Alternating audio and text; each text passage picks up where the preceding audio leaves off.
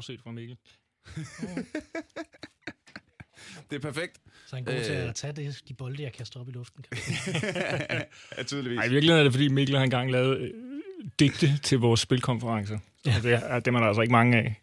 Digte til spilkonferencer. Kan vi lige få bremset den øh, et lille øjeblik? Du har lavet digte til hvilke spilkonferencer snakker vi om her? Ja, vi har en gruppe på Facebook, der hedder Player of Games, hvor vi sidder 3.000 mennesker og diskuterer spilkultur. Og så holder vi nogle gange sådan en, en et-dags konference. Og så slutter vi af med, at Mikkel han fremsiger et digt om, hvad der er sket i løbet Kan vi få den der øh, helt ind i munden på dig? Lige ja. Lidt tættere på, på en eller anden måde. Sådan der. Og så slutter vi af med, øh, eller det har vi i hvert fald gjort et par gange, hvor Mikkel han simpelthen fremsiger et, øh, en ode til den dag, der lige er gået, og det hele det rimer, og folk er sådan helt målløse. Det er fantastisk. Ja, fordi så, er det så, så har de sådan et, øh, det er sådan fire linjer per, per indlæg på konferencen, ikke? som så opsummerer, hvad de sagde. Ja, ja. Sådan så rimer og sådan noget. Så det er meget skægt. Det er, det er altså en ting. Jeg har begyndt at gøre det til, øh, til late night på øh, Comedy Zoo, hvor øh, vi går op. Øh, jeg skriver en sang på en time.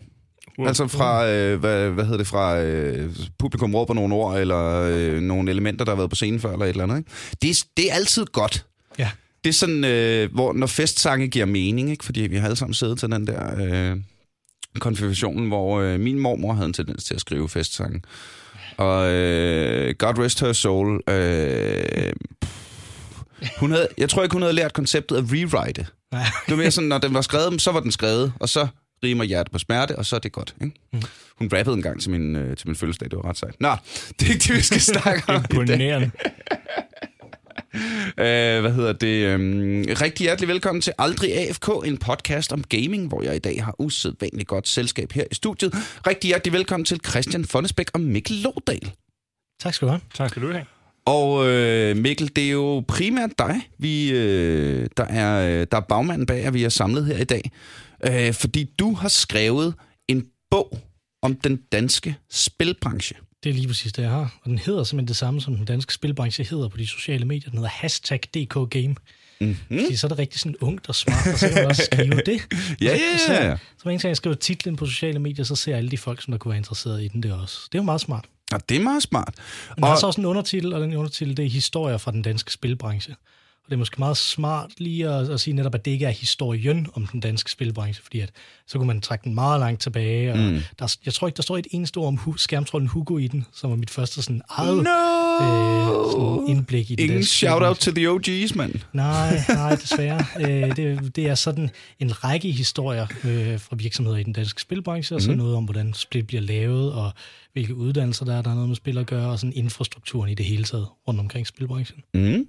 Og øh, det første, og derudover har du, skal vi måske lige præsentere Christian ved siden af, som er øh, konsulent i spilbranchen. Du arbejder blandt andet med øh, Nordisk Film, og har tidligere lavet, øh, ja, du kan også sige det selv. Jamen, øh, ja, jeg har lavet mere end 30 spil øh, over de sidste 20 år øh, til underholdning og reklame og læring og alt muligt. Mm. Og har bare fartet rundt i den her branche. Øh, oprindeligt så var det Dungeons Dragons, der, der havde min kærlighed, men så blev jeg forelsket i film i nogle år. Indtil en dag, jeg så Quake. Og så tænkte jeg, shit, I'm in the wrong business. Fordi Hvad- Quake, det var jo bare en verden, ikke? Ja, ja, ja, pludselig, ja. så var det sådan et stort, rungende univers, og det Hvad var ikke bare med, legetøj. altså, når du siger Dungeons and Dragons og computerspil i samme sætning, så er man jo nødt til at råbe Baldur's Gate øh, hen over hustagene. Var du med på den? Det var jeg ikke. Nej, Nej, det var jeg ikke. Jeg, jeg kendte en masse mennesker, der var det. Um, Det kan man altså stadig godt sætte sig ned, hvis man kan leve med, at det er grimt. Så åh, hold kæft, det er godt. Nå, men du er i hvert fald øh, Mikkels øh, wingman i dag, hvor vi skal snakke om øh, en bog, der snakker om og fortæller historier fra den danske spilbranche. Jeg er simpelthen nødt til at starte det her afsnit med at spørge dig, Mikkel. Hvorfor en bog?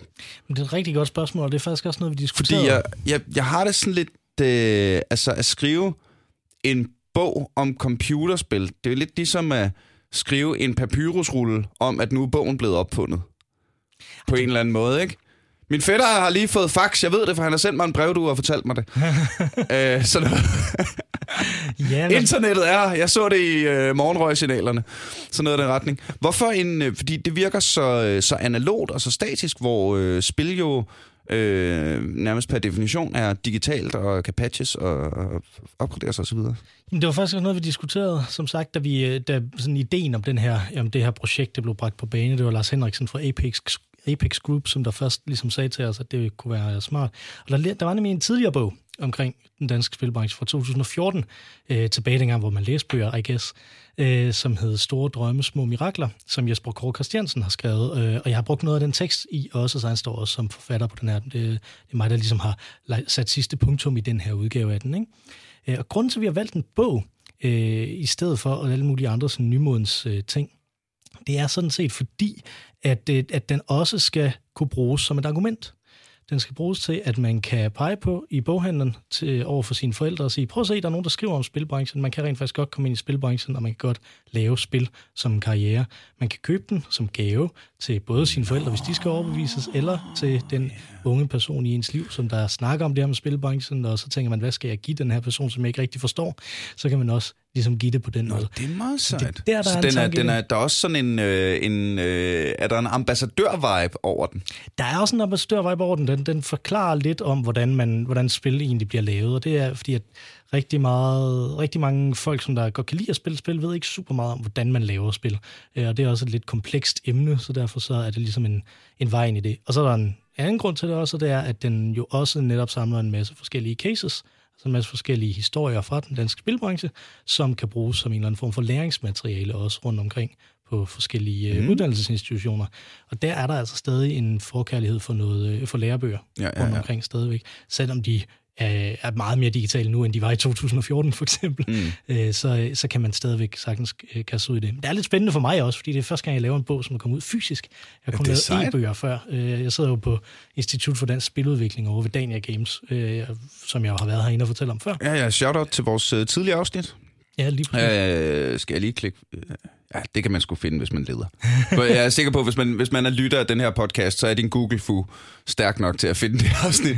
Med Dania Games. Var det, øh, åh, hvad var det, kan det passe, den hed Danmarks Spilhovedstad ligger i var det ja, det? det tror jeg, Danmarks Spilhovedstad der ligger i Greno. Det plejer at være jo, jo. en af vores taglines, jo. Ikke? Altså, jeg tror, står du og smiler på Københavns vegne. Jeg tror også, det var clickbait. no comment. Lige præcis. Nå, øh, øh, du kunne også overveje, om ikke den kunne lande på en politikerbord. Jo, det tror jeg også. Mm, der er et shout-out i slutningen af den i hvert fald til, at politikerne diskuterer gøre et eller andet andet end det, som de er i gang med at gøre med spil, ja, for fordi det, det virker som, som den generelle på, på, på alle de spiludviklere, dem fra spilbranchen, jeg har haft inden her, at Danmark lidt er et uland. Øh, altså, ikke, forstået på den måde, at vi har jo kæmpestore internationale spillere i spilbranchen, ikke? Og vi har øh, øh, Danmark er en e-sportsnation, og vi har nogle af de dygtigste, øh, hvad hedder det, ham der vandt, øh, vi har en verdensmester i Pokémon, vi har verdensmester i FIFA, vi er, vi har øh, hvad hedder det, øh, verdensmester i Counter-Strike, vi har high contenders i League of Legends, ikke? Og, øh, og så videre, og så videre. Dota går jeg ud fra, at vi også er pisse gode til alt det andet, ikke? Øhm, men alligevel, jeg kan ikke huske, om det var i det afsnit, vi snakkede om øh, puljen fra politisk hånd til at støtte for eksempel film, tv, øh, radio øh, og så spil, der er det er så forsvindende få penge af, af, af ligesom kulturpuljen, der går til at støtte spiludvikling i Danmark, når det samtidig ligesom er den største subkultur, vi har. Og ja. de succeser, vi har, er store, og de startups, vi har, er coole og små med originale idéer, som, som det virker som, at verden gerne vil se. Ja, lige præcis, og det er også, netop, netop som du siger, det er faktisk også et, en udfordring, at det er den eneste sådan dedikerede støttemulighed til, det er kulturbunden. Mm. Også fordi, at det gør, at man laver nogle bestemte øh, typer af spil, ikke? Altså, øh, som, øh, som jo sådan set er ganske glimrende og ganske gode, og her og det er også noget af det, som der er også meget meget kulturelle øh, spiludviklere med i bogen, om man så må sige. Ikke? Mm. Men der, der er ikke rigtig nogen ordentlige støttemuligheder erhvervsmæssigt, efter at man har lavet hele, hele innovationsfondene om, som man gjorde her øh, sidste år. Det bliver lidt teknisk, men der var sådan en fond, der hed øh, Det er en nørde-podcast. Det må bare bring it. Der var sådan en fond, der hed Capnova, som, øh, som øh, investerede i rigtig mange forskellige, øh, rigtig mange forskellige øh, computerspiludviklere, og de er øh, sådan set blevet afviklet mere eller mindre, og det skal så over i sådan en generel vækstfondsregi. Og der er generelt en udfordring med at få folk, som der er vant til at investere i alle mulige andre ting, til at investere i computerspil, og specielt på den måde, som vi jo fordi, at rigtig mange af pengene er øh, kulturelt bundet, laver computerspil i Danmark. Mm. Øh, fordi vi tænker ikke nødvendigvis altid forretningsmodellen først. Vi tænker typisk øh, udtryk først øh, i den. Det er meget det... Øh det er meget den vibe, jeg har fået af den danske spiludvikler. Du, du står og nikker her, Christian. Du får lov at overtale lige om lidt, ikke? Men at... Øh, altså, at, at vi er så... Øh, øh,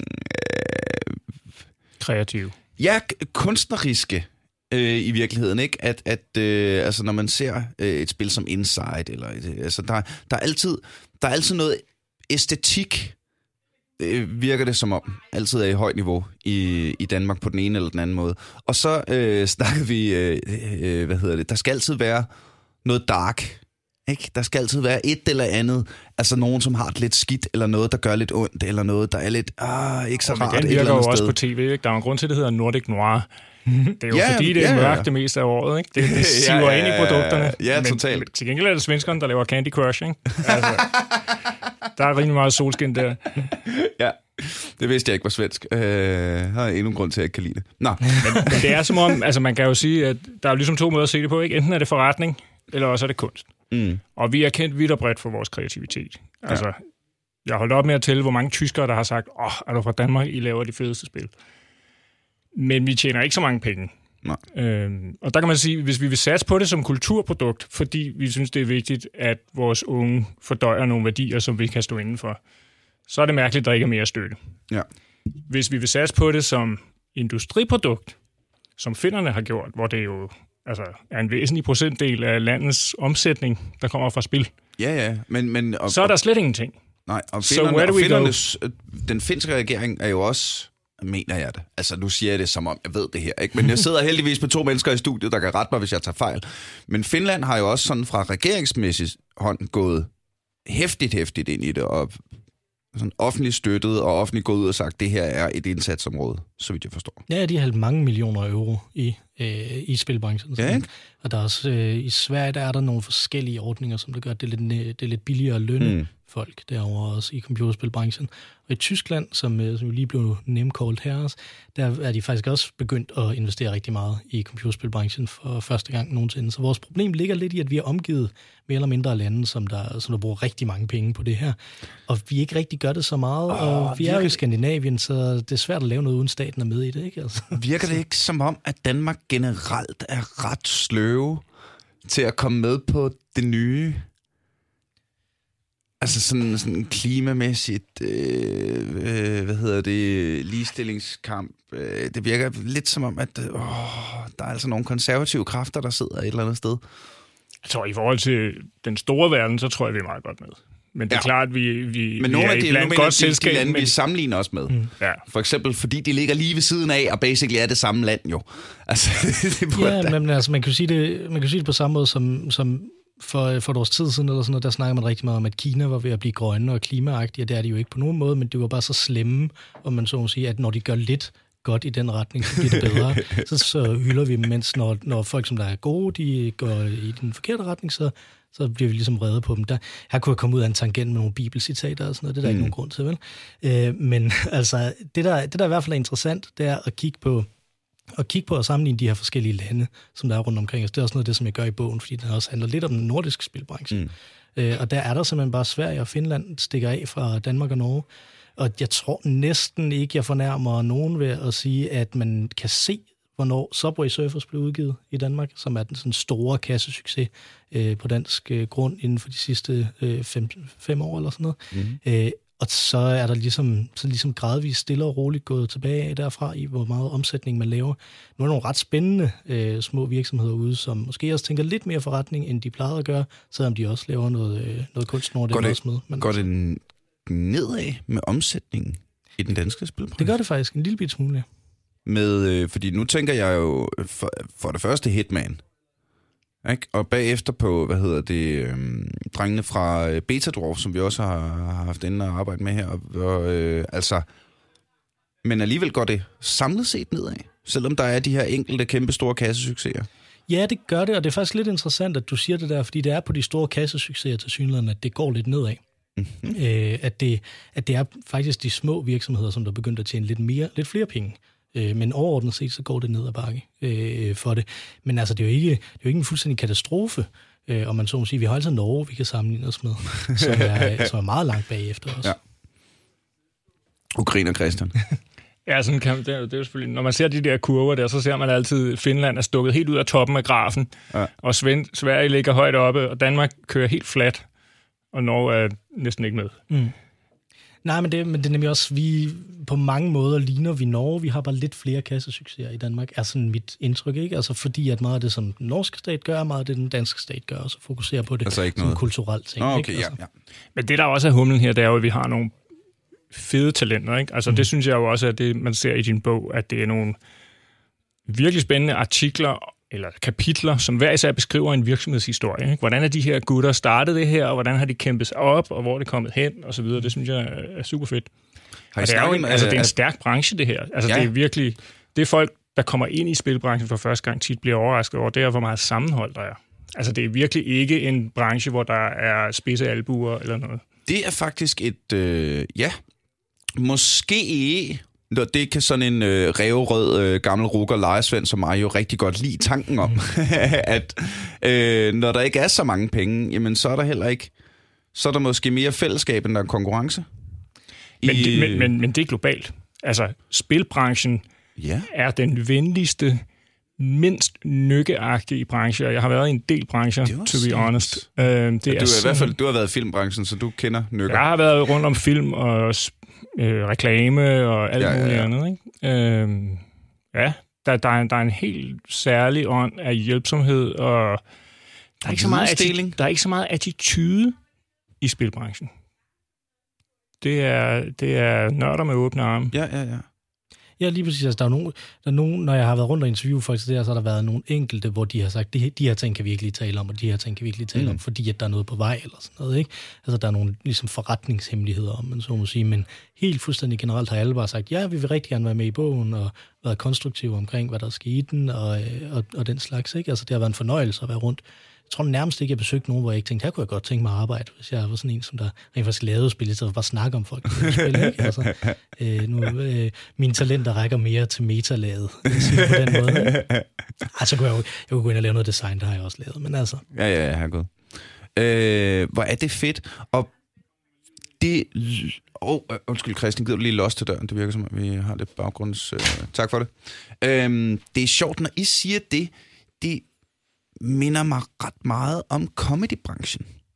Hvor ja. der, øh, fordi nu har jeg jo også snuset lidt, lille bit smule til andre dele af mediebranchen, ikke?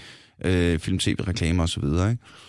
Og den danske comedybranche er, fordi vi er så lille et land, en enormt tæt branche, fordi alle kender alle. Altså, når du har optrådt i et års tid, så har du mødt alle og alle ved, hvem du er. Ikke? Mm. Men det betyder også, at, at der hver dag, øh, når du går på scenen, jamen så er der bare etableret en hakkeorden, som man ikke behøver at bekymre sig om backstage, ikke? fordi du har set ham efter dig, efter du havde dårlig, pisse dårligt show, og går om backstage og siger, øh, det var publikums skyld, det er et dårligt publikum, går ham eller hende efter dig op og river dem i stykker, laver 20 minutter, ikke? Mm. Altså, eller også Frank Vam eller Simon Talbot på, som har vundet bare det, de går på scenen, både fordi de er dygtige og alt det der, ikke? Ja. Men der er heller ikke særlig store, øh, med få øh, undtagelser, er der ikke særlig mange nykker i dansk comedy.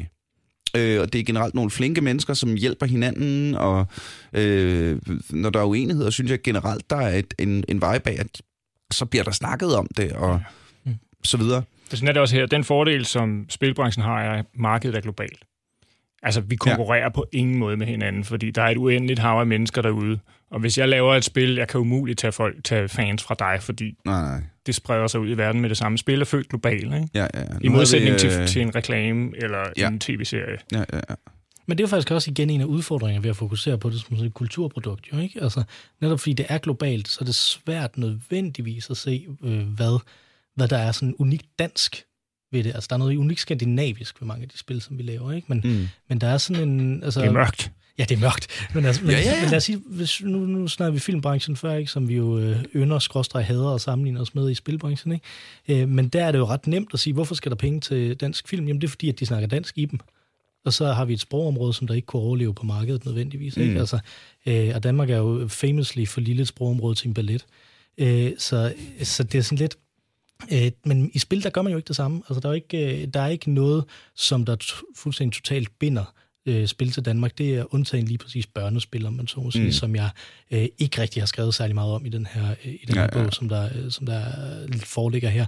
Fordi at jeg tænker netop, at det er det her med det globale marked, der er det interessante. Ikke? Altså, det er der, det er, der, der er, det er spændende for den danske spilbranche lige nu. Fordi at Danmark er, og det er noget, der går igen i alle de folk, som jeg har interviewet. Jeg har interviewet alle fra dem, der sidder en person nede i en kælder og op til IO Interactive i forhold til det her, ikke? som er jo 100, 150 mænd, øh, personer. Ikke?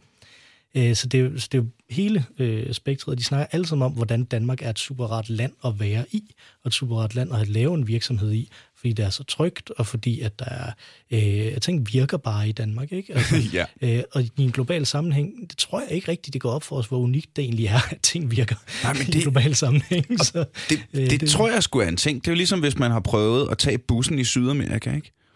Altså, her, der er vi, øh, ser, jeg er københavner, og jeg er blevet super duper forventet. Jeg har det jo seriøst sådan nu, hvis jeg går ned, og der er fire minutter til metroen kommer. Fire minutter? Er du vanvittig? Der er jo ingen, der har så meget tid. Men jeg kan da godt huske, dengang jeg var i Brasilien, og fik at vide, at jeg skulle tage bussen. Hvor går bussen fra? Ja, et eller andet sted på den her vej. Hvornår kommer den? Cirka i dag. øh, det er noget med at stille sig, og så, og så står man der. Ikke? Og så, Er det noget andet? så kan det være, at bussen kommer. Mhm. Mm-hmm. Og det, øh, og, og, og, altså når, når, når, øh, når dørene åbner i togene i Danmark, så stiller de fleste mennesker sig lige ud til siden, så man lige kan komme forbi. Ikke? Altså, folk stiller sig i kø, og, og der er sådan en... Danskerne har en indgroet sans for logistik, som jeg tror stammer fra, at vi alle sammen godt ved, at hvis vi bare alle sammen stiller os i kø, og alle sammen giver plads, når dørene åbner, og alle de her ting, så slipper vi for at dele med andre mennesker. det er mindst mulig tid, hvor andre mennesker invaderer mit personal space. Ja, du havde også et kapitel om, øh, hvad var det, Flashbulb, hvor Ole Teilberg, som er den nuværende chef hos Flashbulb Games, siger, at øh, de var blevet tilbudt øh, øh, tre års skattefrihed, hvis de flyttede firmaet til Canada. Og så sagde de nej tak, for der skulle eje i Danmark. Altså, så er der sgu noget Det er hjernedødt, jo. Var, var det den, kana- den kanadiske regering i gang med at stjæle ja, ja, ja. fucking firmaer? Var sådan, nah, come to me. Canada er jo et af dem, der virkelig side. har, har investeret i det. Ikke? Altså 100 af millioner i overvis. Og så har de simpelthen talentspejdere, øh, der bare napper, napper firmaer og lover dem guld og grønne skove og skattefri. Ja, og så bliver man inviteret til en middag øh, sammen med den kanadiske ambassadør og sådan noget, fortalte Ole om. Jeg har også hørt det fra andre, bare det, øh, Ole sagde det til citat. Ikke? altså, at, det- så får de ligesom her, sådan her kunne den her forretningsmodel se ud, og her det er de penge, du kan spare og den slags. Ikke? Altså, og det er, øh, det er væsentligt billigere andre steder, men øh, altså, øh, mange af dem har jo også øh, rødder i Danmark, forstået på den måde, at deres børn øh, er her, deres øh, koner og mænd er her, og sådan noget af dem, som laver spil i Danmark, så det er også noget med det at gøre. Men det er også bare fordi, at det er et land, hvor, hvor man er sikker på, at tingene fungerer, hvor man er sikker på, at, øh, at hvis det går fuldstændig galt, så går det ikke fuldstændig galt Mm. som også blev fremhævet af flere af dem. Ikke? Altså, der er et, øh, der er et øh, verdensklasse socialt sikkerhedsnet stadigvæk Ja. i Danmark. Ikke? Altså, og, og det er et af de bedste steder at tage nogle risici, uden at man kommer til at, øh, at miste livet på det, om man så må sige. Ikke? Til gengæld, så har vi det med, synes jeg, at male vores øh, skaber op i den der kunstneriske gyde der. Mm. Mm. Jeg, jeg synes, jeg, jeg har selv brugt fire år af mit liv på et kæmpe kunstspil, øhm, og elsket det. Så det er Hvad ikke fordi, jeg synes, det er ikke fordi, jeg det hedder Cloud Chamber. Det er ikke fordi, jeg synes, det er noget skidt. Jeg synes, det er fantastisk, men, men det giver bare det problem, at nu, hvor man har lukket Capnova ned og nogle af de andre, så er der kun kunststøtte. Så hvis du drømmer om at lave computerspil, så drømmer du per definition om at lave et kunstspil. For det er det eneste sted, du kan få penge. Så det vil sige, når du så bliver færdig med dit kunstspil, og det ikke sælger, fordi det er jo kunst, så er der ikke, det, der er ikke, noget, der er ikke nogen vej at gå, fordi mm. du har ikke trænet dig selv op til at lave en forretning. Fordi det var der ikke nogen, der foreslog dig. Det eneste, der blev foreslået, var gå ud og lave noget kunst. Ja. Og det er jo nok en af grundene, synes jeg, tror jeg, til, at vi ikke har særlig meget omsætning. Det er fordi, at hele vores uddannelsessystem og vores støttesystem er lagt an på, at hvis du laver spil, så er det ingen forretning, det er kunst. Ja. Og jeg enten så bør vi have mere kunst. Eller også bør vi have både kunst og forretning. Altså, det, det, i mine øjne, der, fordi det er jo, jeg ved godt, jeg sammenligner, altså drager paralleller hele tiden, men jeg synes godt der er en, en parallel at drage til, til comedy, hvor jeg også ser forskel på, hvilke komikere, der øh, forstår at skabe hype og sælge billetter, og hvilke komikere, der er, lad os, altså, lad os, lad os kalde dem kunstneriske og, og hvad hedder det, øh, kunstneriske og øh, økonomisk fokuseret. Nej, salgsfokuseret. Kommercielle. Kommercielle, ja. Ikke? Og det er heldigvis sådan i comedy, og jeg synes også, det er sådan i computerspil, at det er fandme edme svært at skabe en succes på et skodprodukt.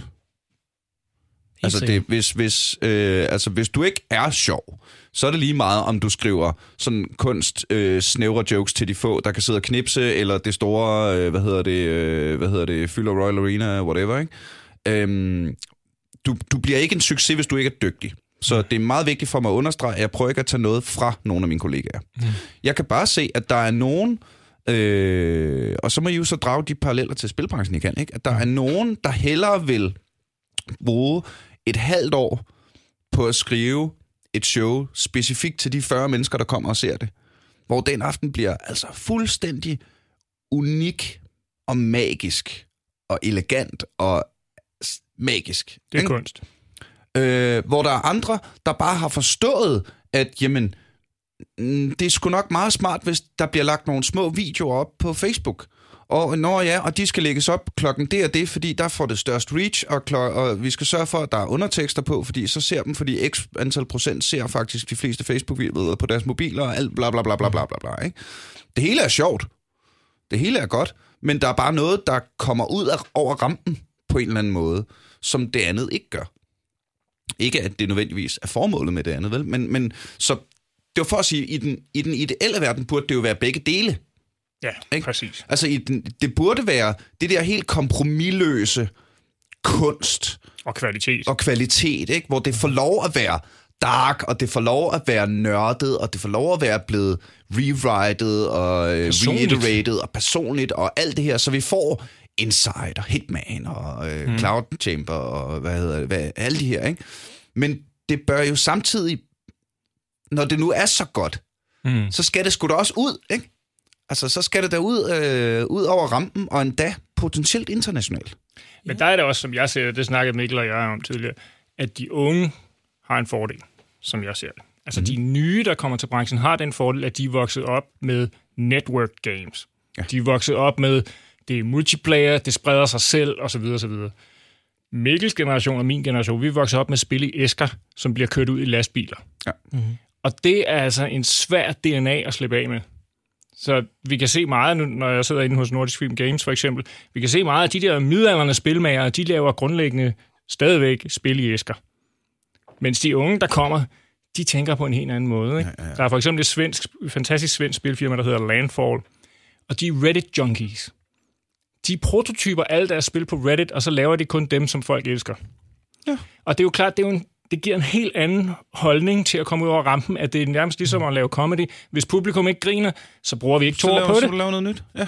Og den der mentalitet tror jeg, vi kommer til at se meget mere af. Det er YouTube-generationen, og altså min egen søn, som er 12, og kun, han, han spiller slet ikke singleplayer, vel? Det er noget, far spiller. Mm. Han spiller ikke spil med sine venner. Ja. Når de begynder at lave spil for alvor, så tror jeg, så har vi en ny chance for, at Danmark bliver øh, en spiller. Ja, det tror jeg også, at der, er også, der er lidt på vej også. Nu bliver jeg må lige uh, trække i land med noget af det, du sagde før, nemlig i forhold til, at alle uddannelserne ikke er, ikke er erhvervsfokuseret, fordi der er jo faktisk dem i Grenå, de er faktisk lidt erhvervsfokuseret, forstået på den måde, de er professionsrettet, de har bare ikke super meget marketing og salg i sig. Det er det, der er også udfordringen der.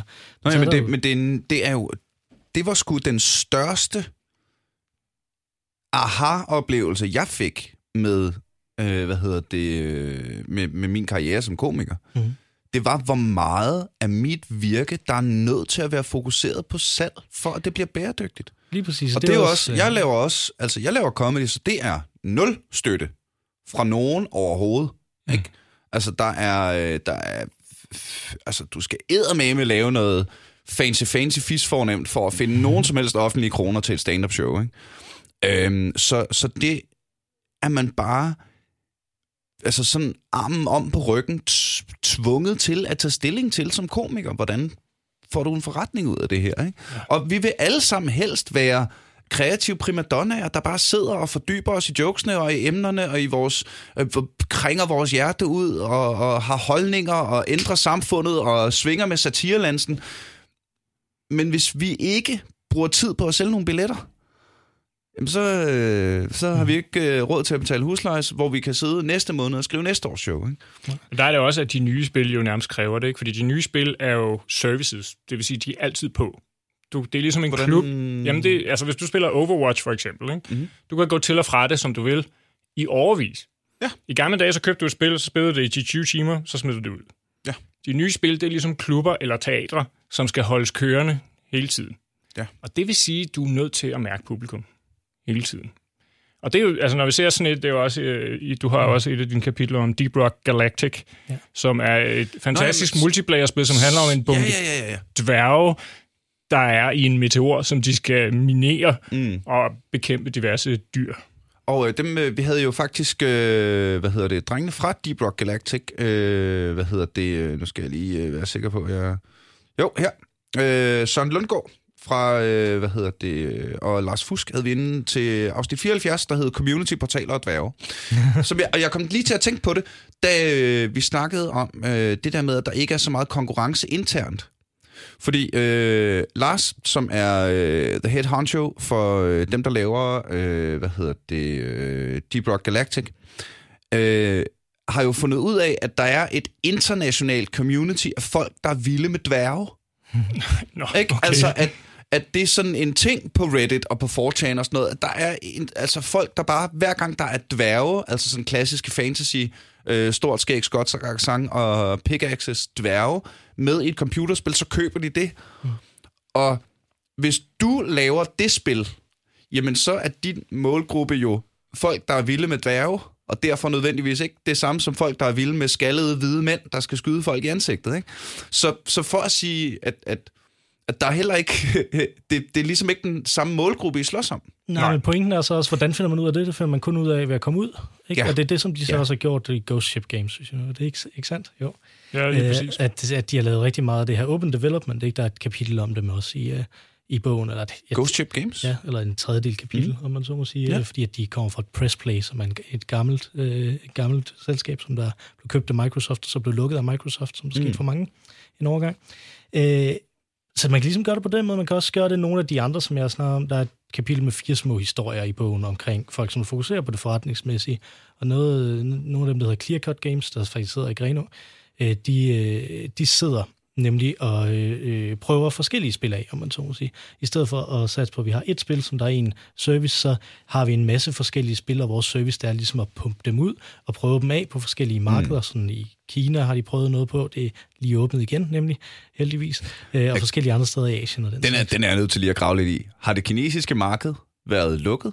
ja, Og er det åbnet igen? Og Ja. fortæl bare lige kort, det, det Jamen- lyder da som, som noget, men der er værd at nævne. Ja, det kan vi da godt. Når vi snakker Øh, spilbranchen generelt, der er altså, lige værd at vide. det, er jo- det er jo lidt en tangent væk fra hashtag DK Game, men øh, det... Jamen, vi har, øh, vi har lang tid. Vi kan, Det var der godt. er, Det den her podcast er bygget af tangenter. Der er ikke nødvendigvis snakker i samme akkord, eller øh, nogen spiller dur, og nogen spiller mål, og vi spiller på dem alle sammen. Bare kom afsted. Glimrende. Øh, jamen altså, tilbage i marts sidste år, der holdt den kinesiske regering simpelthen op med at give, øh, med at give tilladelse til at udgive spil, som man kunne tjene penge på.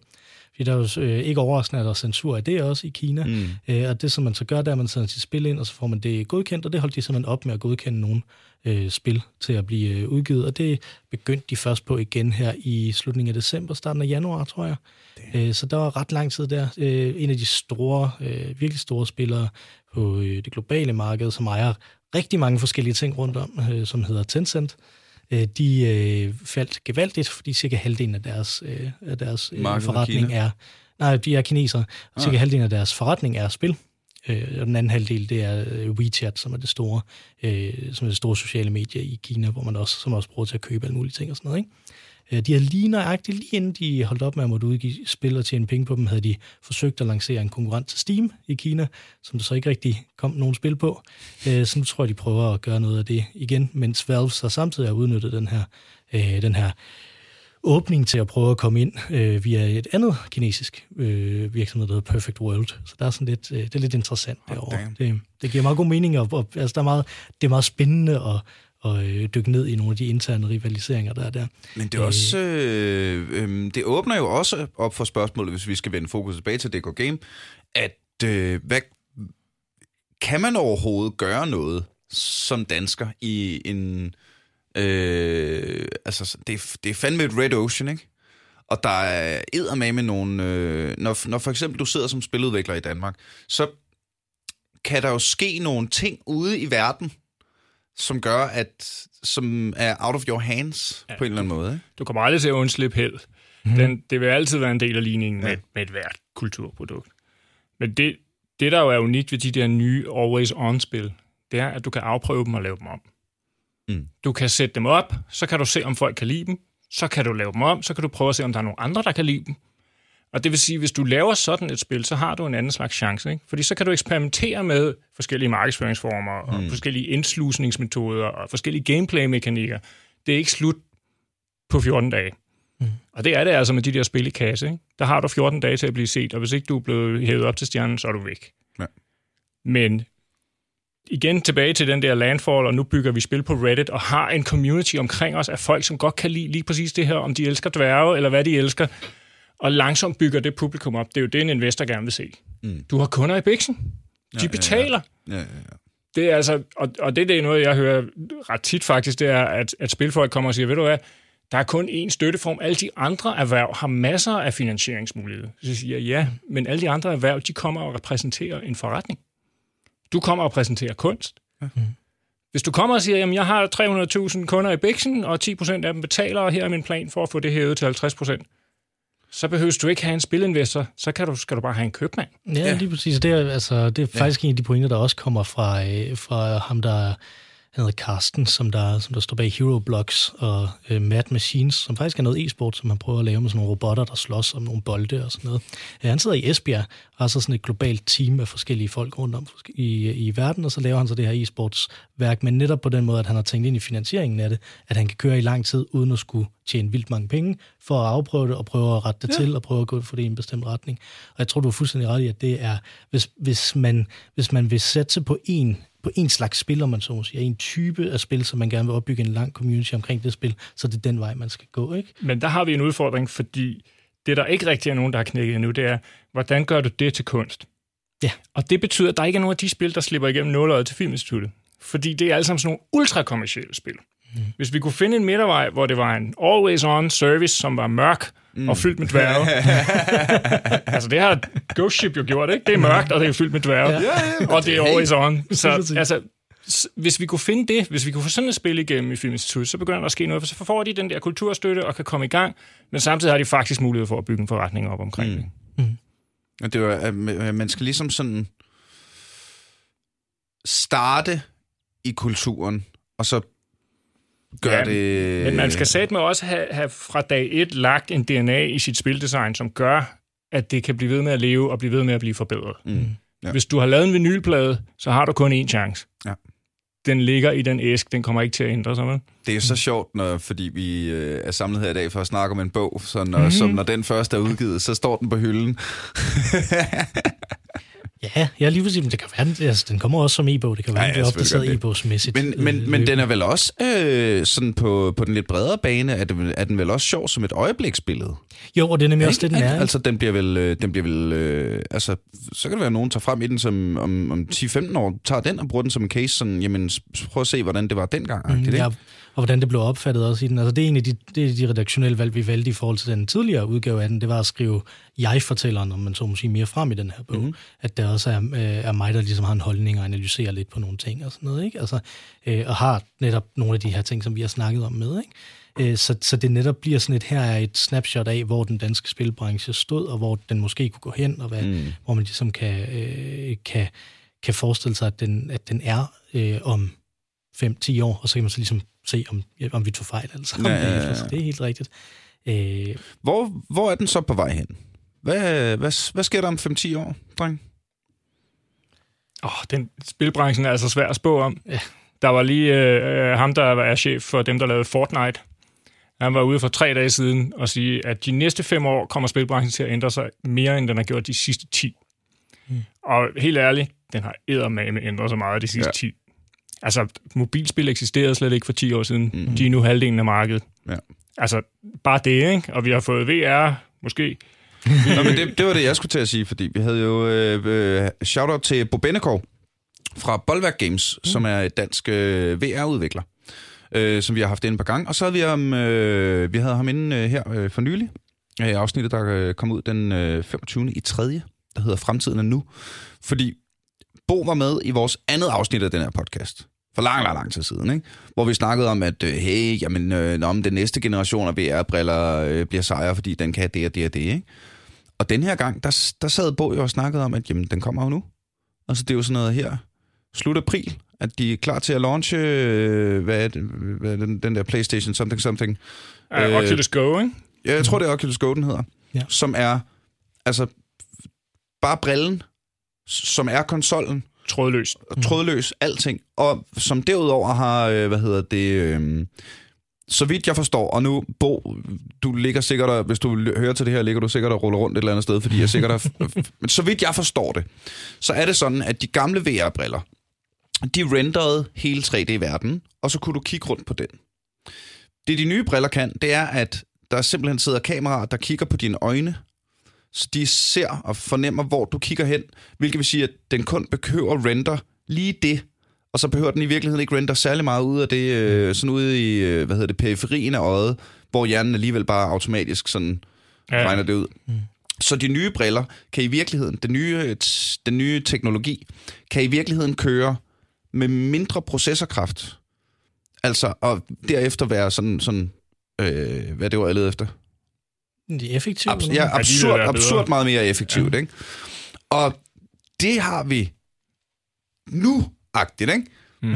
Det her afsnit er sat, øh, sat til at komme ud den, øh, hvad skal jeg lige regne, den 22. i 4. tror jeg. Og det er jo sådan, så er det ved at være nu-agtigt, ikke? Du lever i fremtiden. Ja, altså, Ja, ja, det men det gør vi. Vi lever i fremtiden. Det har jeg også. Mm. Det, det er altså noget, jeg har, jeg har nørdet ud over mange, fordi vi alle sammen er nogle gamle drenge, ikke? Mm. Øh, og jeg har jo et minimap for helvede. Du ved, når man går rundt i et computerspil, så kan du se, hvor er du på kortet. Jamen, mm. det kan jeg i dag. Jeg kan Ja, hive min mobiltelefon frem, så er Google Map der. Hvor jeg kan taste mine waypoints ind, hvor jeg skal hen. Jeg har en pil, der fortæller mig, hvor jeg skal gå i virkeligheden. Jeg, jeg glæder mig jo til? AR. Altså, altså augmented reality Ja. ja. tror jeg jo bliver den store game changer. Men meget af det er jo allerede. Tænk på øh, øh, sportsure for folk, der er løbetræner og lige kan måle deres puls og øh, det ene og det andet. Ikke? Altså, det, det, er, det er mange af de ting, vi så i science fiction film back in the days, det er her nu. Ja. Og, og det bliver jo kun altså vildere. Men det var skægt, det du sagde netop med VR, ikke? Altså, at man har, at man har lavet de her, hvor, hvor, man, hvor man er meget mere effektiv i, hvad man skal render eller ej. Og det er netop noget, som man kun kan, fordi at man har opnået så stor en installationsbase af den tidligere generation, for en gang skyld. Ikke? At, mm. at VR sådan semi brød igennem i 2016, sådan, så man har kunne indsamle noget data og lave nogle eksperimenter, som i øvrigt blev meget Ah, kraftigt ja. fundet af forskellige virksomheder. Ikke? Og Beat Saber. Ja, og Beat Saber. Og Beat Saber, Øh, så har vi rent faktisk nogen, der også tjener en lille smule penge på det. Øh, Det fedeste. VR-spil nogensinde. Lige præcis, det er, det er der ingen tvivl om. Hold kæft, det er sjovt. Det er virkelig, virkelig godt. Ja, det er fandme fedt. Selv min kone. Jeg, gider, jeg er lidt træt af det, fordi vi, vi spillede det hele julen, og vi fik hele familien på den, og nytårsaften fik vi alle gæsterne til at spille det. Men min kone er bedre end mig. og det er jo, fordi hun har rytmesans, for fuck's sake. Ja. Det synes jeg er urimeligt, så vi spiller det ikke mere. Ja, den er jo meget urimelig, hvor man rent faktisk skal have skills for at kunne spille et spil. Ja. Ikke sådan, sådan ting, der kan virke i den virkelige verden også. Det er meget, øh, det er meget frygteligt. Øh, det, den udfordring, som jeg hører fra folk i spilbranchen omkring VR, det er øh, faktisk det, at, at, at man ikke går rundt med den hele tiden. At, at i modsætning til, at man har altid sin telefon, ikke? Altså man spiller også, når man sidder på toilettet. Øh, men man tager ikke VR-brillen på, når man sidder på toilettet. Vel? Så den har man ikke lige på mm. allerede. Og der er en udfordring i forhold til alle de andre platforme, som, øh, som, som spil har, har invaderet. Ikke? De er mm. næsten, altså, altså spil har jo rent historisk set været sådan noget, som der ligesom er kommet ind og, hey, du, I lavede den her computer, som der skulle lave alle de her udregninger for militæret, Ja, ja, ja. men lad os se, om vi ikke også kan spille et rumspil på det. Ja, Ikke? ja, Altså, ja. det er sådan noget, som vi allerede bruger til noget, og så kan vi ligesom blære os med, at vi også kan lave spil. Og der er måske en udfordring i forhold til, i forhold til VR, at det er svært at se folk som forbrugere bruge VR sindssygt meget. Der tror jeg også mere på AR som forbruger, ikke? Altså, mm. Så måske kommer der en masse spil, som kun er i de her business-to-business ting, ikke? Altså, så når folk de er færdige med at træne sig selv i, hvordan de samler en, øh, en printer, eller, sådan, eller, eller laver en eller anden form for, øh, for operation, eller sådan noget, som man laver. Der er rigtig meget VR, der er business-to-business, ikke? Øh, så sætter de lige en eller anden form for Beat Saber version 60 på. Ikke? Altså, så det vil sige, når hjertekirurgerne har stået på Rigshospitalet og øvet sig i mm. øh, augmented reality, så tager det lige fem minutter, hvor de lige svinger øh, Lars Star Wars ja, ja, det, det, det er der, jeg forestiller mig der. Jeg har jo også skrevet en bog om VR, det er bare en e-bog. Er, hey. som man kan finde inde på Institut for Dansk Spiludviklings øh, øh, hjemmeside. Den er tilbage fra dengang, hvor jeg, den er sådan fra omkring den sker der fat i, det vidste jeg ikke. 17 eller sådan noget. Jo, den er gratis. Du har altid været sådan en, der sætter sit lys under en skæbe. Nå, men jeg lavede det på, på en af de der konferencer, der lavede jeg det der. Den der svenske folkedans-ting om VR. Nå ja, det kan jeg godt huske. Det var god. Den var... svenske folkedans om VR. Ja. Ej, nu er jeg ked af, at det her kun, medie kun kom ud på lyd. Det ville jeg fandme gerne have set. det var meget... Øh, det, var, det var fordi, jeg skulle snakke om, om virtual reality, men jeg tænkte, at det ved jeg nok ikke så meget om, som jeg lige har skrevet den her bog, i forhold til hvad alle de, de folk, der laver noget med det. Så det, jeg gjorde, det var, at jeg printede sådan nogle kort ud, som jeg så sad aftenen inden og klippede ud, og meget sådan meticulous gjorde klar sådan nogle kort, som, man, som der havde sådan nogle talking points. Øh, og så delte jeg dem ud til alle konferencedeltagerne, og så satte jeg sådan noget svensk folkemusik på, og så gik de rundt mellem hinanden, og så stoppede jeg der, og så skulle man snakke med den, der var tættest på, om det, som man havde på sit hey, kort. det, det virkede skide godt. Det var virkelig ja. godt. Så det, øh, altså jeg synes, at det rammer noget af det, som der er lidt skægt ved virtual reality, og tilbage til spil også, det der er skægt ved spil, ikke, er, at det er fuldstændig vanvittigt. Altså det er syret og underligt, ja. at det virker, og det er også en af de ting, der er, der er spændende ved spil. Ikke? Altså det er netop også derfor, man skal ud og prøve det af, fordi at man kan ikke rigtig regne ud, hvad der er, der virker. Man kan godt regne en masse ting ud, som der nok, nok ikke virker, men nogle gange virker nogle af de ting alligevel. Ikke? Altså, øh, nu snakker vi om uddannelser før. En af mine yndlingshistorier er jo, at jeg sad i og snakkede med dem fra Skøvde Universitet, lige præcis samtidig med, at øh, Goat Simulator kom ud i sin tid øh, som var nogle af dem af deres gamle studerende, mm. der var en inkubator, ligesom der er i Greno, ikke? Øh, som, som der havde lavet, og de bare tjente en million svenske kroner om dagen en overgang, eller sådan ja, noget, fuldstændig vanvittigt, ikke? Øh, og ingen på universitetet kunne forklare det jo. Fordi det kan jo ikke forklares.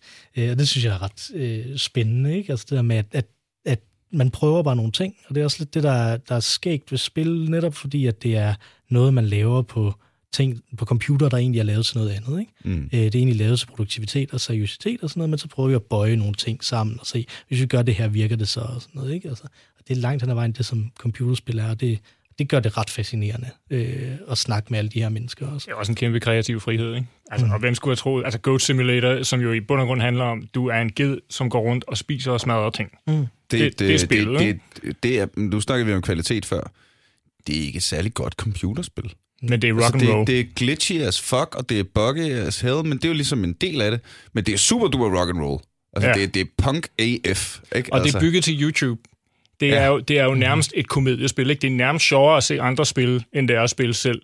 Ja. Og derfor spreder ja. det sig selv, fordi ja. det, er jo, det er jo bare sjovt at se på. Altså, det var jo... Nu, jeg er jo en kæmpe, kæmpe, og har snakket meget om Fallout-serien mm. her i, øh, her i øh, podcasten, også om hvor dårlig et nu øh, gammel rollespiller, ikke? Øh, hvor dårligt et rollespil Fallout 4 var, hvor meget, hvor, hvor, hvor meget man som, som fan af, af genren og franchisen følte sig simpelthen pisset op og ned af ryggen.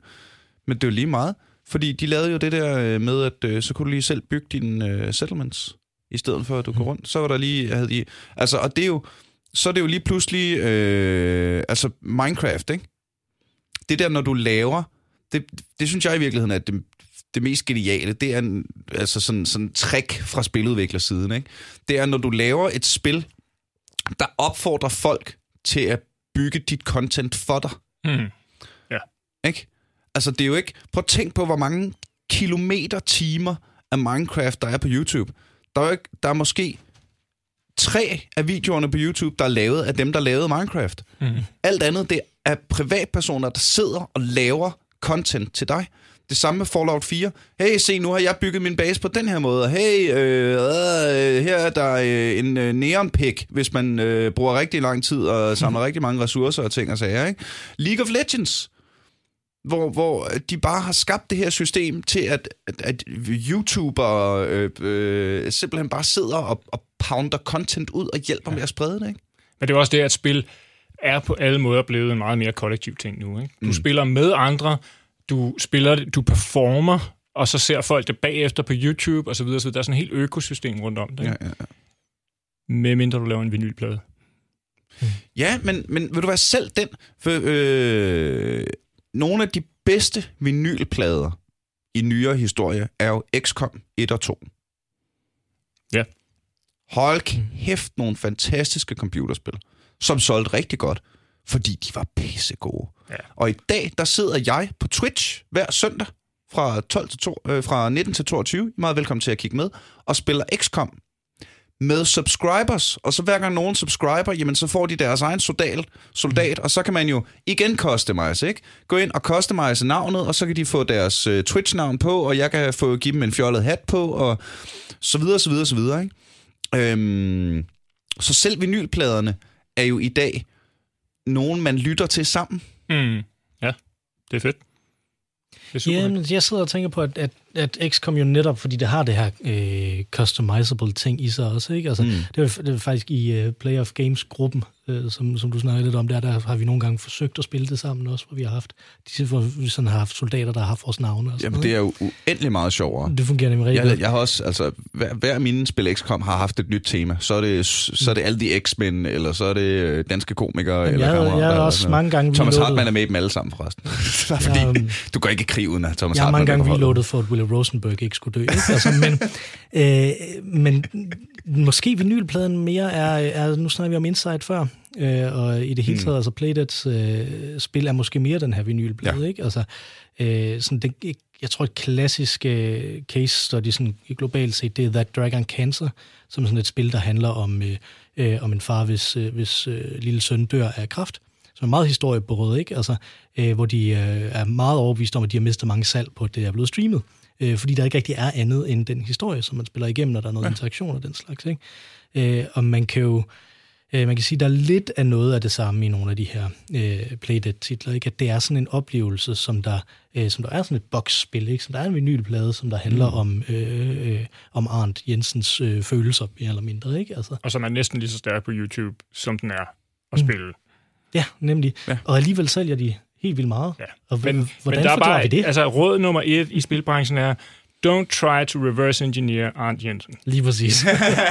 You can't do it. Altså, det der, det der, det kan ikke gentages. Nej, nej, nej. Det er så unikt, det Playdead-eventyr, og det er så unikt, det hold, som Arndt har samlet. Mm. Og det er så unikt, at Limbo kom ud lige da den gjorde, og at Microsoft gav Ja. den det push, den gjorde. Ja. Altså, i virkeligheden vil jeg sige, anybody, altså, don't reverse engineer Arndt Jensen. Jamen, det, det, man skal vel generelt ikke reverse engineer Nej. Altså, og, og dog ikke, fordi nu tænker jeg jo igen, øh, nu har det sgu været temaet i det her afsnit, så jeg bliver ved ud af den her tangent i comedybranchen, ikke? Fordi der ser man jo nye komikere dukke op og øh, forsøge at være deres udgave af Mick Øgendal, ikke? Og så prøver de at lave fjollede, øh, spasmagtige bevægelser og gøre det der, fordi det har de set, det gør man på comedy-scenen. Jamen, det, det gør Mick på comedy-scenen, mand. Det, det, det, det er ikke dig. Og hvis du ikke er dig, så finder du ikke ud af det. Og jeg skulle lige til at sige, at sådan, sådan er det vel også i spilbranchen. Helt sikkert. Men så ser man jo Apex Legends, ja. som jo er et reverse-engineeret Fortnite, som er et reverse-engineeret PUBG, som er et reverse-engineeret, som er et reverse-engineeret, som er et reverse-engineeret. Hvis du har lavet den oprindelige Call of Duty, Mhm. og du har lavet Titanfall 1 og 2, så er det okay at gå ind og reverse engineer. Fordi det er det hold, der har lavet Apex. Ja. Men hvis du er tre gutter fra Brøndshøj, som sidder i en garage, don't try to reverse engineer. ja, lige præcis. Men, det, Det er måske en meget god point. men der er måske også, øh, hvis vi skal blive i de der mærkelige bevægelser, så har Apex Legends jo også noget andet end bare nogle lidt an- anderledes mærkelige bevægelser. Ikke? Altså det, de fokuserer på en helt anden del af det at skyde. Ikke? Altså de har meget mere gunplay, end Fortnite har, hvor Fortnite er meget den her vanvittige, vi bygger nogle ting og sådan mm. noget, ikke? Øh, Som, som igen var noget andet end PUBG. Ikke? Mm. Altså, så der er jo, det, hvis man skal reverse engineer, så skal man i hvert fald differentiere på en måde, sådan, så man kan se, hvem er det, der vil se det her på YouTube, hvem er det, der vil snakke om det her content, om man ja. så må sige. Og jeg tror måske også, at man igen kan sige, at det er, det der, det er derfor, det er så pokker svært at, at reverse engineer de her vinylplader, ikke? Det er fordi, at så skal man eddermame have noget at sige, som andre folk også vil snakke om. Ikke bare noget, andre folk vil høre, men noget, som andre folk også vil snakke om. Mm. Øh, og det er øh, relativt udfordrende at prøve at gøre det i vores, øh, i vores genre, fordi at det faktisk væsentligt nemmere, selvom det ikke er nemt, så er det væsentligt nemmere at lave noget, som folk gerne vil spille sammen, end noget, som folk gerne vil snakke om i lang tid bagefter mm. også. Det er jo også det der med, at hvis du laver noget, der lægger sig bare lidt op af noget, andre har lavet, i dag, så bliver spil jo ved i lang tid. Så spørgsmålet er ligesom, hvorfor skal de vælge dit spil frem for det andet spil, der ligner det? Mm. Altså, du er ligesom nødt til at skabe dit eget rum. Ja. Tænk på Subway Surfer, det har været i top 10 downloads i hvad nu? 5 år? Ja, sådan 6 år? Altså 5% af verdens befolkning har downloadet Subway Surfer. Bum. Put that in your pipe and smoke it, ikke? Og de bliver ved, og problemet er jo med de her, især med mobilspil, det er jo, at hvis du har sådan et hit, så kan du cross-promote, ikke? Så kan du reklamere dine nye spil ind i dit eksisterende spil, som har x milliarder brugere. Det er altså svært at konkurrere med, ikke? Ja. Så du er nødt til at lave noget unikt. Og derfor er kunsten og kreativiteten stadigvæk kernen i det her. Ikke? Du er stadigvæk nødt til at lave noget, der kommer fra hjertet og er ægte og nyt. Og Men så dark. skal du altså også lige have en Peter Olbæk ved siden af dig, som siger, ja, hvordan fanden sælger vi det lort? Altså. Fordi ja, ja, ja. hvis det bliver ren kunst, så, Så kommer det ikke ud over rampen, mand. så er og du så er der ikke nogen, der Jensen, ser det. eller også er du død. Ja. Ja, ja, det, man sige, Og der, vi ved godt, at Arndt Jensen står et eller andet sted med tohåndssvær og siger, there can be only one. meget blødt tohåndsvær. Nå, øh, IO Interactive er jo faktisk et ret godt billede på det her, synes jeg, forstået på den måde, at de lavede i, tilbage i 2016, rebootede de Hitman-serien, om man så må sige, ikke? Mm. og fokuserede rigtig meget på, hvordan de skulle flytte over på digitalt, øh, og, og havde rigtig store problemer med lige præcis det, at de flyttede over på digitalt, men stadigvæk faktisk lavede et spil, som egentlig skulle sælges i en butik. Ikke? Altså, det skulle være sådan et, øh, et spil, som man, som man skulle købe det hele af, fordi det var en unik samlet vision om, mm. om hvordan det her, det her med at være hitman er. Ikke? Men så prøvede de at sælge det digitalt og episodisk, og det gik virkelig ikke særlig godt for dem. Og det endte jo så også med, at, øh, at deres investor trak sig ud. De så heldigvis overlevede og nu har lavet toeren, ikke? som bygger oven på det her, som tænker på den her øh, du kan slå folk ihjel klædt ud som en kanin, ikke? Altså, øh, som jo er et eller andet fuldstændig skørt, mærkeligt øh, de, de identificerer det, når jeg hører amerikanere snakke om det, så mener de, det er ret skandinavisk også. Hvilket Er det rigtigt? Ja, og man, slammer, man slår folk i hovedet med fisk og sådan noget. Også. Det er. Øh, Det er meget skandinavisk. Ja. jeg, jeg synes, det er mere britisk, men altså, vi er måske også ret anglofile, ikke? Øh, Nå, anyway, øh, de, øh, nu har de jo så ligesom blandet det sammen, og det snakker de meget om, da, da jeg interviewede dem derinde, at, at det var et Netflix of Assassinations, ikke? At de ville tænke, at det var sådan en, det var sådan en platform, som, hvor man så solgte forskellige øh, assassination-produkter indeni, men hvor sådan, der var de her hovedprodukter, hvor man fik et helt en hel vision, ikke? Altså, så det kunne også være en måde at Det er jo ligesom sådan det bedste af begge verdener. Ja, jeg synes, det, det er faktisk det, jeg, jeg har lært af at lave den her bog, og det, som man kan lære af at læse den, det er netop, at der er mange forskellige måder at gå til det her på, men udfordringen er den samme hele vejen igennem, nemlig, hvordan sørger vi for, at folk de bliver ved med at snakke om vores spil, og vi bliver ved med på en eller anden måde at kunne mm. tjene penge i længere tid, Ja, ja, ja. fordi spil er enormt dyre at lave. Og det, det er også udfordringen i Danmark, at det i Danmark er ikke at selvom det er et rart sted at lave spil, er det ikke det billigste sted i verden at lave Nej. Spil, og det er nemlig også lige præcis det. Det er jo ikke det billigste sted i verden at lave noget, Danmark. Mm. Øh, så øh, Men vi kan, jo- det er jo svært at få det hele, ikke? Altså, mm. når man sidder og læser amerikanske aviser, og altså, så går tilbage til det danske, så opdager man, at vi, vi tager ligesom for givet, at politikerne vil os det bedste. Mhm. Og sådan har jeg det i hvert fald i Danmark. Sådan har jeg det ikke, når jeg læser amerikanske aviser, mm. med. Altså, så har jeg udpræget oplevelsen af, at halvdelen af regeringen er ude på at tryne mig. Mm. Altså, det må ikke være rart. Øh, på den måde, så vender man jo tilbage til, okay, men så, ja, lønnen er sgu temmelig dyr, ikke? Den er øh, fire gange højere end en polsk programmør, mm. ikke? Ja. Men øh, til gengæld, så har vores programmører altså også noget bedre, ikke? Mm. Og producerer sig formodentlig også bedre, ikke? Altså det er i hvert fald, når jeg snakker med nogle folk, som har outsourcet ting også i løbet af den her bog, ikke? Og deres, øh, deres store problem med det, det er, at hvis man øh, arbejder med danskere, så behøver man ikke være vildt specifik, fordi så kan de godt finde ud af det, og så kan de godt sådan ligesom lave, lave om på det, og selv, og selv være med i det. Men man skal være enormt specifik, når man outsourcer noget. Det har selvfølgelig dels noget at gøre med, at det, skal være, at det er, at man ikke sidder i samme rum, men det har også noget at gøre med, hvil, hvilken uddannelsestradition man kommer fra, og hvilken sådan, hvad skal man sige, entreprenørskabstradition vi har mm. i Danmark. Ikke? Altså, vi har jo et eller andet øh, med, at, at vi skal tænke os selv med i rigtig mange ting. Ikke? Altså, øh, Men vi er jo, altså, hvis vi ikke skal sætte vores lys under skabet, så er vi vildt kreative. Mhm. Altså, Mhm. i USA er Scandinavian Design jo et kæmpe brand, og Nordic Noir på film og tv er et kæmpe brand, Mhm. og Lego og så videre. Når jeg går ud og siger, at jeg er dansker og laver computerspil, så synes folk, det er vildt kreativt, det vi laver. Altså, og det kommer igen og igen og igen og igen. Hvis Og og vi det så bare kunne lave er det jo forretning også. også. Undskyld. Det er det jo også. Der er en grund til det her. Det, det er... Øh, det, det er jo også den tradition, som Mikkel ja. snakker om. Ikke? Altså netop den lejende tilgang til, til kreativiteten og oplevelsen af, at jeg skal ikke nødvendigvis gøre, som min chef siger. Jeg skal gøre det, han... Jeg skal finde det mål, som han ja. selv går efter, ikke? og jeg skal gøre det på min måde. Altså, det er jo ikke alle, der bliver opdraget danske, sådan. Sådan noget, man skal, man skal bede dem om at bestige. Man skal fortælle dem, hvilket bjerg de skal bestige, men ikke hvordan de skal gøre det. Ja, sådan kan man godt sige det. Man, man kunne også sige, at det kunne måske faktisk godt være en vej frem, ikke? Altså øh, at bruge den her, den her tendens, vi har til, at vi godt vil have os selv med i rigtig meget af det her, ikke? Øh, og så sige, jamen, det her bjerg, du skal bestige, og man så må sige, de her rammer, det er den her forretningsmodel, og det er, at det skal være inden for noget, som der, som der handler om det her, men så kan vi i øvrigt hælde noget af os selv i det.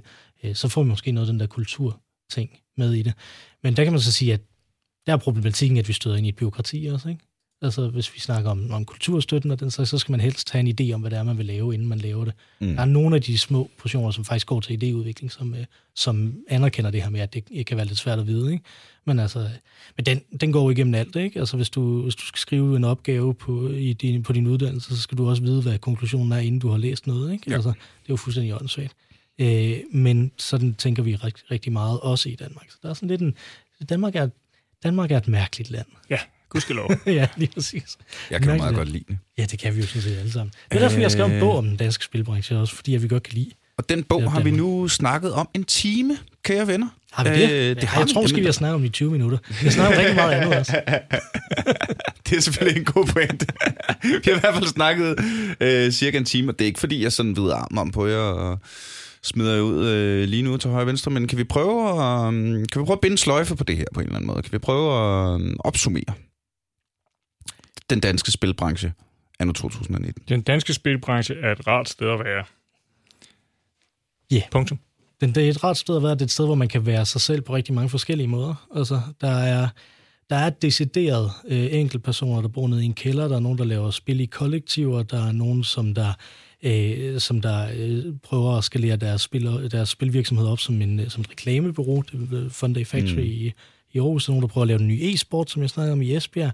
Øh, og der er øh, folk i Aalborg, som der prøver at, at tænke, hvordan laver vi et globalt kunstprodukt, om man så må sige bedtime digital. Øh, og så er der i København er der en fuldstændig eksplosion af forskellige typer af, øh, af spiludviklere også. Ikke? Altså, det er igen folk, der laver fuldstændig personlige spil om deres forhold til deres forældre, nede mm. i en mm. kælder, øh, og op til folk, som har lavet The Netflix of Assassinations, eller, ja, ja, ja. eller øh, dværge, som der tager rundt alle mulige steder og, øh, øh, og, og, vil have noget op der. Og det, vi mangler, det. er et større fokus på kommercialisering. Ja, det kan man sige. Mm. Det er jo ikke, fordi vi vil tage fokus væk fra det kunstneriske. Mm. Det, pointen er jo, det kan vi. Mm. Ja. Og det skal vi blive ved med, og det skal vi blive ved med at, at gøre godt. Men nu skal vi også have det andet med. Man skal, altså det er jo ligesom, hvis man dyrker kampsport, så skal man øve sig på det, man er dårligst til. Hvis du er mm. komiker, jamen der er også ligesom to, øh, der er, øh, hvor god er du til at skrive, og hvor god er du til at optræde. Jamen, øv dig på det, du er dårligst til. Hvis du dyrker kampsport, spark mest med det ben, du sparker dårligst med. Mm. For at få trænet det op, ikke? Altså, det er jo altid... Øh, i, øh, hvis du er e-sportsudøver, jamen så er der sikkert nogle ting i spillet, du er bedre til end andre. Øv dig mest på dem, du er dårligst til.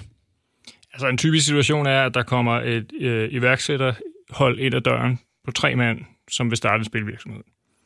Og det, de siger, det er, vi har den her fede idé til at spille, vi vil bygge et brand, og vi vil bygge en kæmpe fanskare op. Ja. Og hvem er I så? Jamen, jeg er den kreative direktør, og hvem er du så? Jeg er øh, den anden kreative administration, direktør. administratoren, og du er teknikeren. Okay, men hvem står for markedsføring? Jamen, det gør studenter med hjælpen. Hmm. Den har jeg hørt så mange gange, så du tror, det er løgn. Ja. Og det går bare ikke? Mm. Nej, altså det er fordi, så kan du få en, øh, en billig, øh, hvad hedder det, øh, en billig kommunikationsstuderende ind, øh, hvad hedder det, som øh, praktikant, og så kan de jo lave de der Facebook-opslag, for de læser ja. jo kommunikation. og så får du et par hundrede fans, ikke? Og altså, problemet er, at det er halvdelen af kampen, det er markedsføringen. Ja. Ja. Det er ikke en tiende del af kampen, og det er ikke 3 procent af kampen. Det er 50 procent af kampen. Ja. Og danskerne prioriterer det overhovedet ikke. Nej, og det, er nemlig, og det er netop fordi, man hænger fast i den her idé om et produkt. Ikke? Altså, vi laver et produkt, og så sælger vi det bagefter. Og der tror jeg, at netop fordi... Og der er, er nogle andre, der sælger det bagefter. Ja, det er, der er nogle andre, der sælger det. Mm. Øh, marketingsafdelingen sælger det, ikke? Øh, den der studenter med Nej, en dag kommer der en publisher og tager ja, produktet fra os og fyrer mm. det ud i verden. Det gør de bare ikke mere. Mm.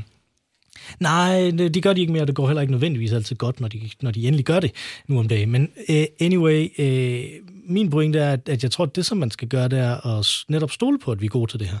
Altså, åbne det op og sige, jamen vi er faktisk rigtig gode til kreativt at lave det her. Vi er gode til agilt at flytte os, fordi vi har den her frihed, som vi har i, i Danmark. Ikke? Altså, der er en, øh, øh, en af dem, som øh, han hedder Esben Kjær Ravn fra, øh, fra Konkurrence, han, han siger til mig i bogen, at vi er så agile, at vi grundlæggende set ikke kan dø.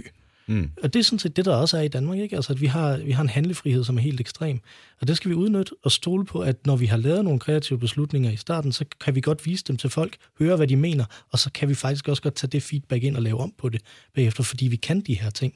Mm. Øh, vi har, øh, efterhånden har vi ret mange uddannelser, som der giver folk de her, øh, de her evner, ikke? Altså, vi, vi har både, øh, der hvor jeg ligesom normalt har min gang, ikke? Altså i Greno, øh, og vi har også nogle rigtig fine uddannelser på øh, DTU og øh, øh, ITU, mener jeg, øh, og, øh, og i og Aalborg Universitet, ikke? Altså, som, som alle sammen giver nogle, nogle evner, som gør, at vi bare skal stole på det. Ikke? Altså, vi, er, vi er super dygtige i Danmark. Det kunne være rigtig fedt, hvis alle stolte på det. Mm. Hvis det også var sådan netop nogle rammefaktorerne, de blev lavet om, ja. så man stolte på det.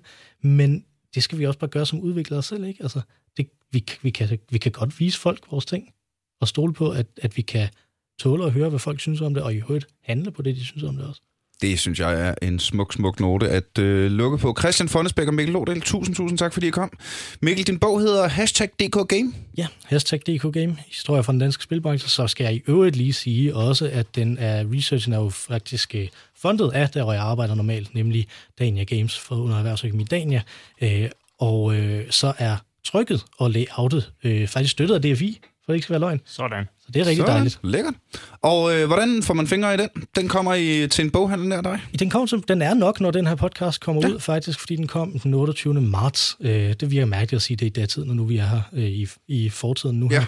Her. Øh, men den 28. marts, der øh, kommer den ud. Man kan også gå ind og købe den direkte på forlæggeren Character Publishings øh, hjemmeside. Jeg kan da sende dig et link, hvis du har nogle show notes, du vil have dem i. Det, men jeg kan da, hvad hedder det, altid øh, smide et link op på øh, vores øh, kære Facebook-gruppe, som du er meget, meget velkommen til at like, kære, kære, kære lytter. Øh, kast os nogle stjerner. Vi er lige... Nå, okay, det er faktisk en ting. Vi har i stort set hele den her podcast-historie ligget på 4,9 stjerner øh, ud af 5 på Facebook. Fordi der var en, der i starten som en joke gav os fire stjerner, øh, fordi der er et eller andet, jeg kan ikke engang huske det nu. Øh, hvad hedder det? Og vi er nu efter lang tids plan kraftedeme med noget op på fem stjerner. på Facebook, tusind, tusind tak skal I have. Bliv endelig, endelig vigtigt ved med at øh, kaste nogen, øh, ja, smash that like button og alt det der, ikke? Du ved jo godt, for pokker. Øh, tusind, tusind ekstra øh, kærlighed og shoutouts og high fives og kysser og krammer til alle dem, der støtter os på tier.dk. Det er vi så glade for og håber, ja, bliv ved med det. Og ved du hvad? Shoutout til nogen. Det, det her er jo også en øh, hvad hedder det, en øh, ongoing. Ikke? Det her er ikke bare en vinylplade. Vi laver en, ny, vi laver en ny vinylplade hver uge. Så fortæl det lige til nogle venner, så vi kan få nogle flere lyttere, og så overtager vi verden til at dømme sammen. Øh, Christian, hvis man skal følge lidt med i, øh, hvad du render og laver, er der noget, vi lige skal have plukket? Jamen, så er det faktisk Facebook-gruppen The Player of Games, hvor jeg hænger ud hver dag og diskuterer spilkultur og spildesign og alt muligt med øh, 3.000 andre skandinaver.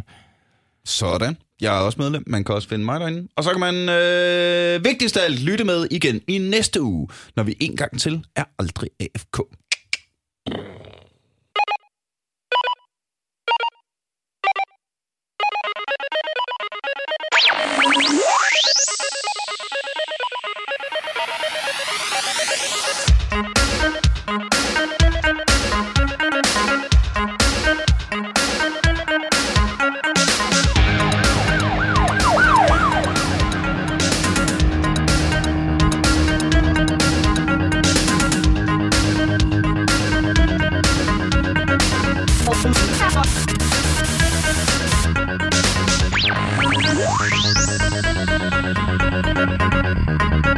Thank you.